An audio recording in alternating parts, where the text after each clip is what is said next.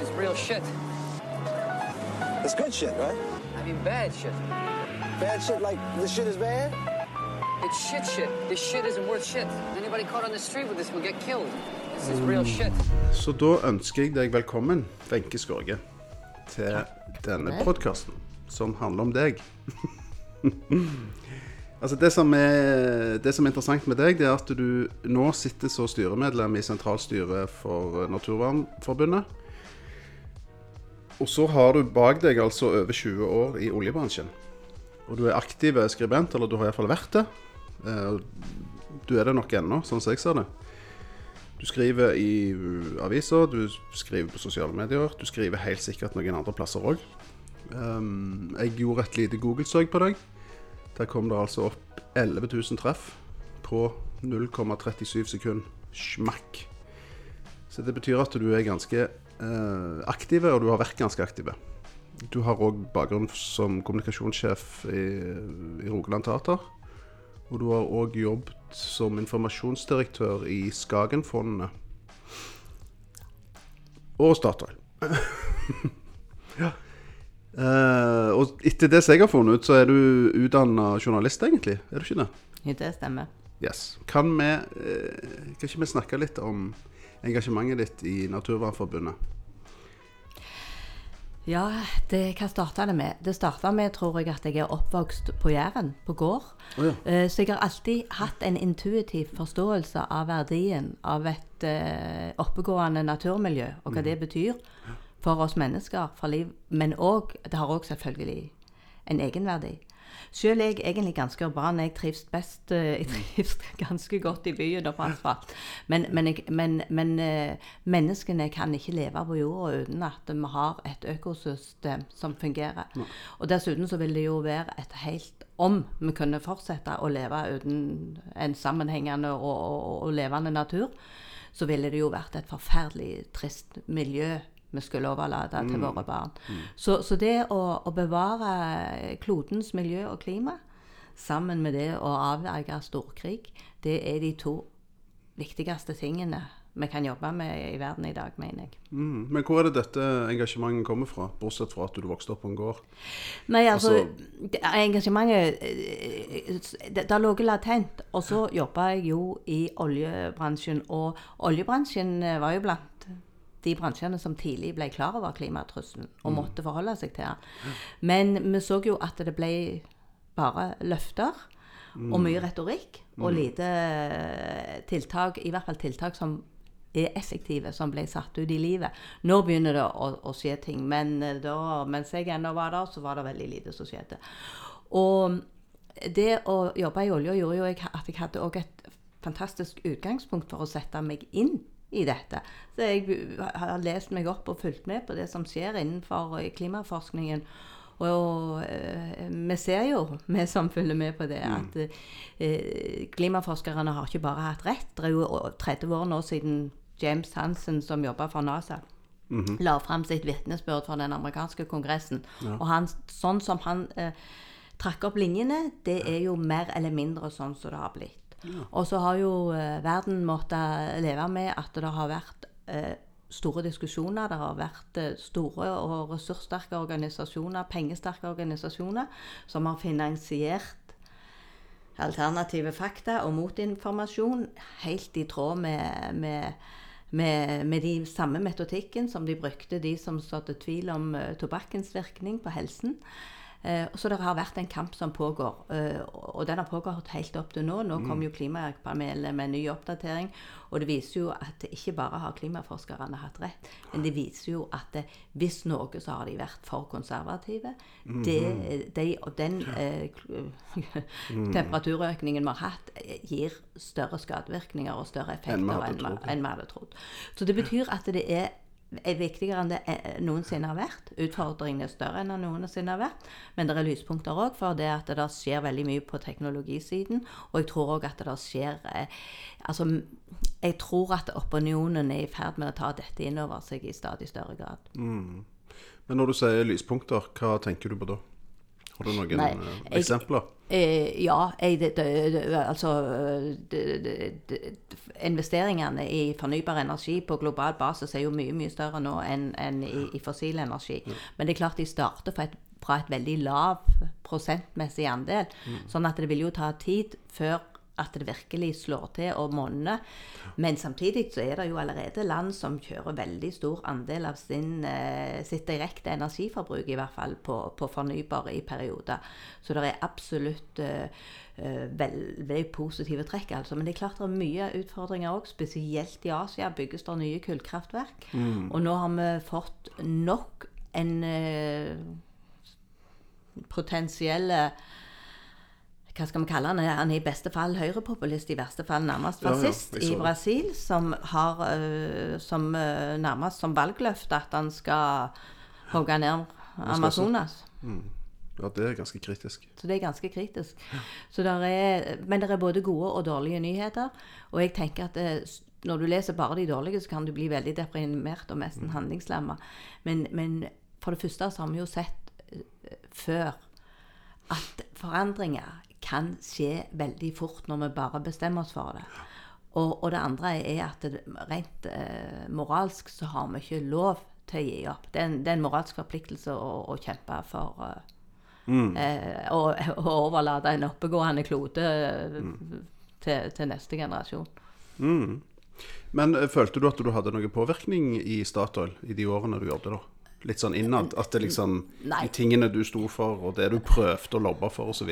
Nei, overhodet ikke. Nei. Men ikke, ingen andre enkeltpersoner hadde heller det. Altså, det, det, det, det, altså De store selskapene de forplikter seg til å levere økonomiske resultater. De er del av et uh, miljø som i Norge vil jo, jeg, jeg kaller det jo det, det oljeindustrielle komplekset i Norge. Og jeg vil si det er et jerntriangel mellom uh, oljeselskapene og Olje- og energidepartementet. Og de eh, faktisk òg de etatene som er satt til å, å ivareta og følge opp oljeindustrien. Oljedirektoratet og Petroleumstilsynet er òg uh, maktsentre i Norge som er med å opprettholde status quo. Og så har du selvfølgelig alle menneskene som er direkte eller indirekte avhengige av oljebransjen. Så, så der er det en Det er som ei enorme, svære elv som bare renner med svære vannmasser, og så er det noen få som skal prøve å stoppe det. Og, og den gangen da når vi begynte å bli klar over, olje, over klimaproblemet, da var det på den måten at ja, vi skal gjøre sånn, og vi skal gjøre sånn, og vi skal inngå avtaler, og vi skal kjøpe kvoter, og vi skal utvikle teknologi. Men også ikke minst, det må vi jo innom når vi snakker, snakker klima i oljebyen og i Norge. Oljebransjen har jo lent seg på dette med fjerning av karbondioksid fra avgasser. CCS, som det kalles på stammespråket. Eh, og det, var jo, det har jo vært i sovepute. Jeg pleier å kalle det for oljebransjens hemmelige venn, Albert Aaberg. det er olje, for det, men, men, men det er for dyrt, det er for komplisert. Eh, de klarer ikke å få resultater. For oljeindustrien hadde jo dette vært the silver bullet, som det heter. Da, hvis de hadde fiksa den teknologien, Mm, så kunne de bare fortsatt. Og derfor så er insentivene så sterke til å gjøre det, at hvis det hadde vært noen som hadde hatt den teknologien, som hadde hatt muligheten, så hadde de gjort det, men det har de ikke gjort. Vi hadde jo vår månelanding, og vi vet alle hvordan det gikk. Og jeg merker nå at når Statoil uttaler seg om CCS som en løsning, så er de veldig neddempa i språkbruken. Jeg tolker det sånn at dette har de ikke noe særlig tro på. Hva tror du om fremtida til Statoil, eller eh, Equinor, som det nå heter? Equinor, ja. Det, ja. Vet du hva, jeg, jeg, jeg, jeg har et stort hjerte for Equinor. Jeg, jeg var med i 23 år, og jeg vet at det er bygd på det beste av norske verdier. Og det beste av norsk, og ikke minst jærsk eh, hva skal jeg si, skapervilje, skaperånd. Og her skal vi bare få det til å fikse det. Og, og det gjorde vi. Og Statoil har vært et ekstremt veldrevet selskap. Vi har all grunn til å være veldig stolte av det. Men som oljeselskap så har de, og da sier jeg fortid, har heller ikke de tatt klimaendringene på alvor. Og noe av det verste som de har gjort, det var å gå inn i oljesand i Canada. Mm. For alle visste, Og det er jo minst like skadelig som kull. Og alle visste Mm. jo på det tidspunktet at vi hadde et gigantisk klimaproblem. Så, så, så det var en beslutning som for meg fremstår som omtrent uforståelig. Mm. At et ansvarlig selskap i, som var 70% eid av Norge, nasjonen som ønsker å være klimaledende i verden, og som bruker milliarder på milliarder for å kjøpe opp regnskog. Og de, det vi eventuelt klarte å redusere som nasjon, utslippene fra, med, med å kjøpe regnskog, bevare regnskog, de mer enn blåste Equinor, Statoil den gang ved, å, ved utslippene fra oljesand. Det var helt absurd. Og, at, og det er noe av det jeg er virkelig kritisk til. At, at den norske stat som stor eier den gangen ikke stoppet det. For det, men de bruker jo begrunnelsen at det er styre og at det er, er børsnotert og sånt, men det er en mm. svak begrunnelse, syns jeg, for en hvilken som helst annen stor eier. Eh, Røkke eller Reiten eller hvem det er, ville aldri uh, på en måte uh, latt et styre som var oppnevnt, gjøre noe som var helt fundamentalt i tråd med, i, i strid, Mm, i strid, ja. med, med, med interessene til, til det, helheten.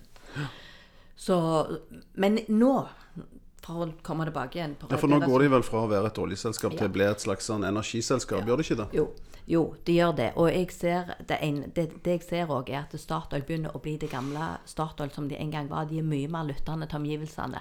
De, de, de, de er mye mer uh, vare for, eh, for signalene og forventningene utenfra. Og det tror jeg er en av grunnene til at de nå har sagt de skal satse på, på, på, på vind og på sol. Og så er det klart at det, for oss som er utålmodige, så er det altfor lite og altfor lite ambisiøst foreløpig. Men de har gjort De sier de vil være en del av løsningen, og det skal vi tro på. Så må vi bare pushe på eh, og håpe det går enda fortere. Men Når var det du begynte i Statoil? Jeg, jeg vil ikke helt eh, på en måte slippe taket, for nå er det den nye serien som, som kommer Ja. på søndag. Lykkeland, som Ja. jeg så. Jeg vet ikke om du så den første episoden? Jo, jeg så den første episoden. Det, det var, jeg begynte i, i 1983. Dette, denne første episoden den var jo så langt tilbake at jeg var knapt eh, voksen sjøl. Og så hadde jeg flere år eh, der jeg ikke bodde i Norge engang. Mm, Hvor var det du bodde? da? Jeg bodde i Canada. Nettopp. Så, så jeg, eh, akkurat, jeg var ikke hjemme da når akkurat disse hendelsene utfolda seg. Men jeg, jeg, jeg kan jo huske tilbake, og stemningen ligger der, kan du si. Men hvor var det det var hovedkontoret? Var det på Lagersveien du var da? I Nei, 83? jeg var, ikke, jeg var aldri på Lagersveien. Jeg stadig hadde flytta til, Forus når jeg begynte. Og hadde de det, ja? Mm. Ja, Salan. Hm, spennende. Uh, ja, jeg har jo diskutert denne serien med mor mi. Hun jobbet jo òg i Statoil Uh, i sin tid nede på Lagersveien. Så jeg oppvokste på en måte med Statoil. Vi gikk, jeg gikk der og spiste lunsj av og til etter skolen. Og vi spiste middag på sånn Statoil-servis som vi fikk til jul osv. Men hun var ikke helt fornøyd med den serien. Fordi, eh, altså måten de framstilte både byen på og, og tiden på en måte sant, i Stavanger før olja. Uh, ikke sant At alt var svart, og alt var så kristent osv. Alt var så trist. Du, Det var jo litt mer nyansert enn som så. få lov å si at det er jeg veldig enig Mm. med din mor i. Uh, det er klart det var nok noen kristne miljøer, men sånn som jeg Dette var jo min ungdomstid, Mm. tenåringstid. tenåringstid. Og, og eh, det, det var ikke så veldig forskjellig fra nå, tror jeg. Vi, vi var opptatt av, å, å, feste og Mm. prøve å drikke øl og danse og gå på Snoopy og sånn. Musikk og alt det som ungdommer Alt det vanlige. ja, og, og, og, og det var det var jo, Jeg husker vi var russ, det var nok noen kristenruss, men det var, de var jammen ikke mange i forhold til totalen. Så, så, så det er jo litt sånn de spekulerer i dette her eh, sørvestlandske ja. ja. mør- mørke fastlandgreiene. Og så var det noe med språket. eh, Og Ja. Så liksom skurrer litt i serien, syns jeg. Ja. Sånn, Snakket de sånn eller sånn? Og det var ikke sånn de snakket. De snakket jo mye penere og renere og ikke sant? Litt sånn Så ja, det var en del ting å ta tak i der. Vi trenger ikke ta de nå. Men altså, opprinnelig eh, journalist står der å lese. Hvor, hvor, eh, hvor var det du studerte henne? Hvor, hvor reiste du hen? Jeg, jeg studerte i, i Toronto, i, på noe som heter Ryerson University. Eh, de er litt sånn som Høgskolen i Oslo i dag. De hadde veldig mye sånne eh, kun, kunstneriske og halvkunstneriske fag. Eh, og jeg valgte da journalistikk med vekt på radio og fjernsyn. Nå gjorde du det? Ja. Hvordan var det du havna der?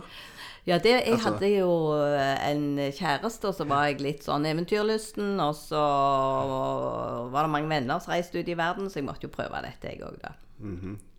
Men denne gården som du kommer fra på Jæren, hvor på Jæren er det du kommer fra? Det er, det er i, I dag er det Sandnes kommune, men eh, det, er, det er nesten Klepp kommune. Så ja. Ja, sånn. Ok. Da hopper vi tilbake til nat Naturvernforbundet, tenker jeg. Eh, altså, hvordan er det å Hvordan er det å, å sitte i styret der? Sentralstyret. Eh, Ja, Altså- det må jeg si er blant de oppmuntrende tingene i livet mitt. Fordi at eh, det, det er jo veldig flinke og engasjerte folk som eh, vil noe. Og nå er jo, sitter jo jeg bare i styret, men den administrasjonen som er der, de jobber veldig bevisst hver dag med å kommunisere miljø- og klimaspørsmål til, til folket, får jeg si, via medier og sine egne nettsider og, og sosiale medier.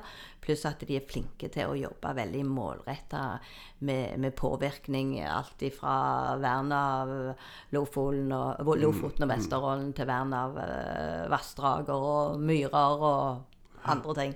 Og selvfølgelig òg oppdrettsindustrien er, er jo et område som har blitt mer og mer kritisk for miljøbevegelsen. Men hva er det du bidrar med inn i styret? Hva er det du kan bidra med? Ja, hva er det jeg bidrar med? Når du sitter i et styre, så bidrar du jo med hele deg. Så det er jo Jeg har jo, jeg har jo veldig lang erfaring fra ledelse og organisasjon. Har øh, gjennom livet vært, vært innom mange forskjellige bransjer og typer selskaper. Eh, så, så det er vel litt av hvert. Men det er jo spesielt eh, du kan si energi, olje. eh, Klima og kommunikasjon er jo der, de områdene der jeg har mest å bidra med. Hvordan var det å jobbe på, på Rogaland Teater? Er ikke det kjekt? Det var, veldig, det var jo veldig kjekt, for det er jo en helt fantastisk institusjon. Og, og vi kan jo bare være så stolte av dem, for det at de henter jo hjem priser en masse. Og de er eh, bare i gåseøyne et regionteater, men, men de har en fantastisk stab, altså. Eh, nei, jeg var, jeg var inne bare i ett år, og, og, og, og det var eh, et år det var, det, det, var, det var litt krevende, og det var en del sånne omstillingsutfordringer i, i kommunikasjonsavdelingen, så, så det var vel mest et sånn omstillingsprosjekt jeg holdt på med. Det var, jeg var der bare for ett år, og det det var, det var, jeg var det var et oppdrag som gikk på ett år. Ja. ja. Men eh, Skagenfondet, da? Hvordan var det å jobbe der? de, de, de er jo noen, et fantastisk eh, selskap, for de har fått til så mye eh, med utgangspunkt i Stavanger.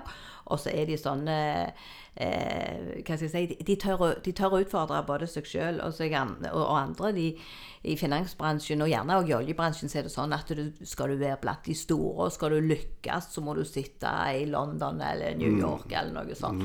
Og de bare hylla hvor fantastisk det var å være i Stavanger, for der ble de ikke forstyrra av noen sånne andre utenforliggende ting. Og når det regna i 30 døgn, så var det bare liksom Men dette er jo kjempebra, nå kan vi jobbe.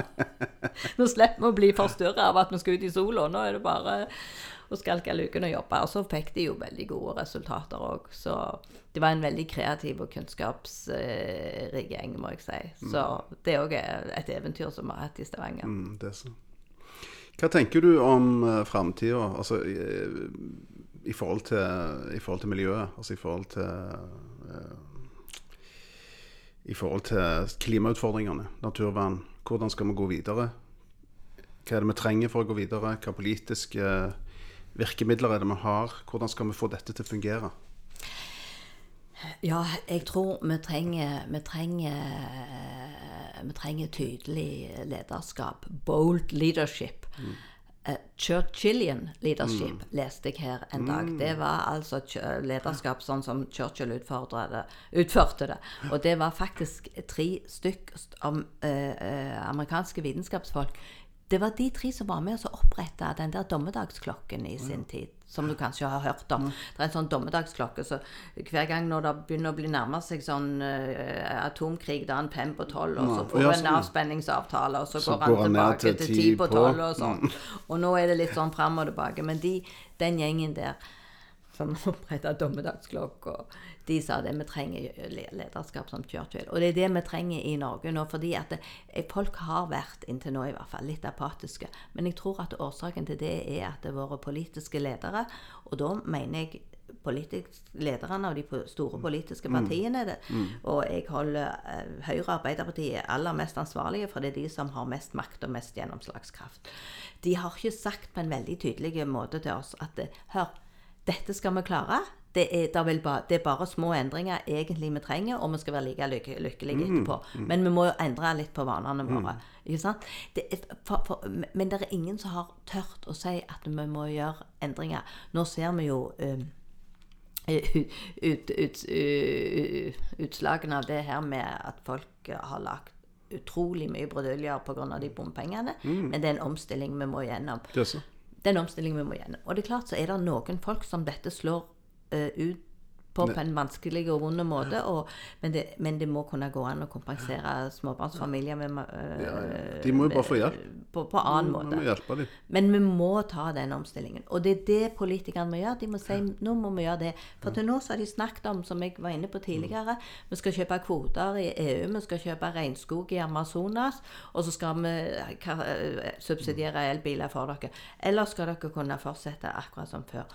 Og så når jeg sier det, så høres det ut som at jeg mener at vi skal flytte ut i, i, i telt og, og eller i vistehuller. Og, og vi må jo ikke det. Men vi kan ta den omstillingen, og jeg tror vi vil være lykkeligere alle eh, på slutten. Og det er klart det, det som vi vet òg, for det er det jo forska på, vi har jo det lykkebarometeret som har fulgt norsk, eh, norsk, det norske folks opplevde opplevelse av egen lykke siden 70-tallet. Og, det, og vi har, vi, ikke, vi har økt forbruket vårt altså, det er sikkert, eh, Vår disponible inntekt er sikkert fordob- er fordobla, sikkert mer enn det, tror jeg. Men vi opplever oss ikke selv som lykkeligere enn vi gjorde på 70-tallet. Så- Og så er det litt med en, endring på liksom, hva, hva slags vaner vi har. Hva er kult, hva er ikke kult. Og folk øh, syns jo det er kult å reise langt vekk og sånn.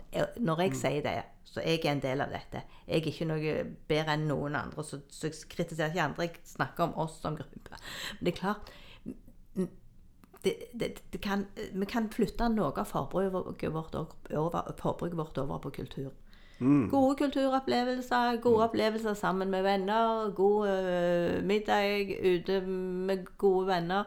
Altså, vi kan ha sikkert veldig kjekke opplevelser, ferieopplevelser i, i Norge, i Norden, i Europa.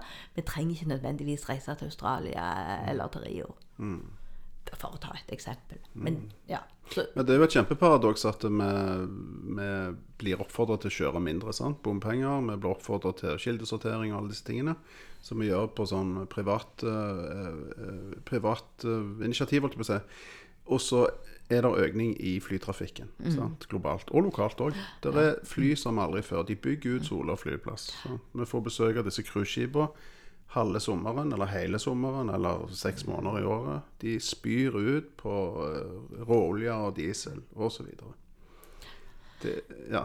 det, det, det, det er jo et stort paradoks, og Det er jo ikke bærekraftig. Men det er klart at det, som mange kloke folk sier øh, det er klart, Jo flere rullebaner vi bygger, jo mer flytrafikk blir det. Mm. Jo flere motorveier vi bygger, jo mer trafikk blir det. Altså, Vi kan jo stille spørsmål. Er det, er Mm. det firefelts motorvei vi trenger til Kristiansand nå? Eller er det en effektiv jernbane som går både til Kristiansand og til- Oslo, Mm. og som halverer reisetiden, eller bortimot halverer reisetiden? Det er fullt mulig hvis vi vil. Eh, når det gjelder rullebane, så klart det, det også må, Der òg må vi jo stille spørsmål ved det. Og der er det noen lavthengende frukter nå som jeg, både Miljøbevegelsen, Naturvernforbundet og mange andre argumenterer for. Bare ta, bare ta vekk taxfree-salget, så vil du Det òg vil ha en effekt. Altså. Du vet så. Det det er mange ting vi kan gjøre. Det er jo òg et paradoks, egentlig. At Det- du får premie for å dra ut der. Det, det, er, Altså, liksom- det, det er helt sprøtt. Vi var i Berlin i høstferien, for vi er jo ikke noe bedre enn alle andre. Vi reiser jo, vi òg. Selvsagt. Sånn. For du har lyst, og det er billig. og ditt og datt. Det koster ingenting. koster noen hundre kroner per billett sant? til å fly til Berlin. Og så når du kommer ut på flyplassen, så, eh, så er det en haug med sånn snop og sprit. Og, og når du kommer til Berlin, så er det det samme der. Du skal hjem igjen. Det er jo kjempekjekt, egentlig, på en måte. Ja. Nei, også, men så, og så er det jo eh, det, det, Altså, det er jo òg andre løsninger. De snakker jo om nå, Avinor eh, er det vel, så at de kan få eh, elektriske fly, i hvert fall som tar opptil 100 passasjerer, og som vil ha innen ti år, sier de.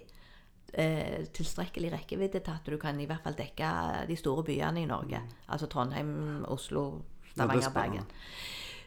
Så eh, der må vi jo bare ha et håp om at det, det blir satt trøkk på disse tingene, og at eh, de faktisk kommer. Ja, det håper jeg. Det er jo, altså, vi kunne jo bidratt antageligvis til det.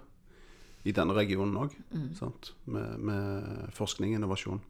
Ja. Brukt noen eh, Altså brukt noe av de eh, oljepengene sant? ja. innenfor Vida-feltet. Det burde vi kanskje gjort for lenge siden. Altså planlagt for dette sant? for 10-15-20 år siden.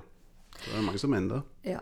Eh, absolutt. Nå, nå tror jeg eh, Altså, det har jo vært kritikk fordi at eh, de, de for, pengene som regjeringen eh, bevilger direkte til forskning, går jo veldig Går i for stor grad til klass, tradisjonelle og oljerelaterte prosjekter, og mindre til fornybare.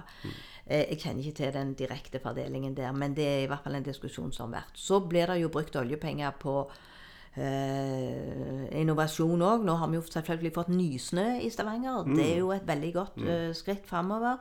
Men det er jo mange som mener at det, det er altfor lite. Så vi får jo bare håpe at det får en enda sterkere og mer solid eh, finansiell base etter hvert. Uh, men du var inne på noe som jeg syns er viktig.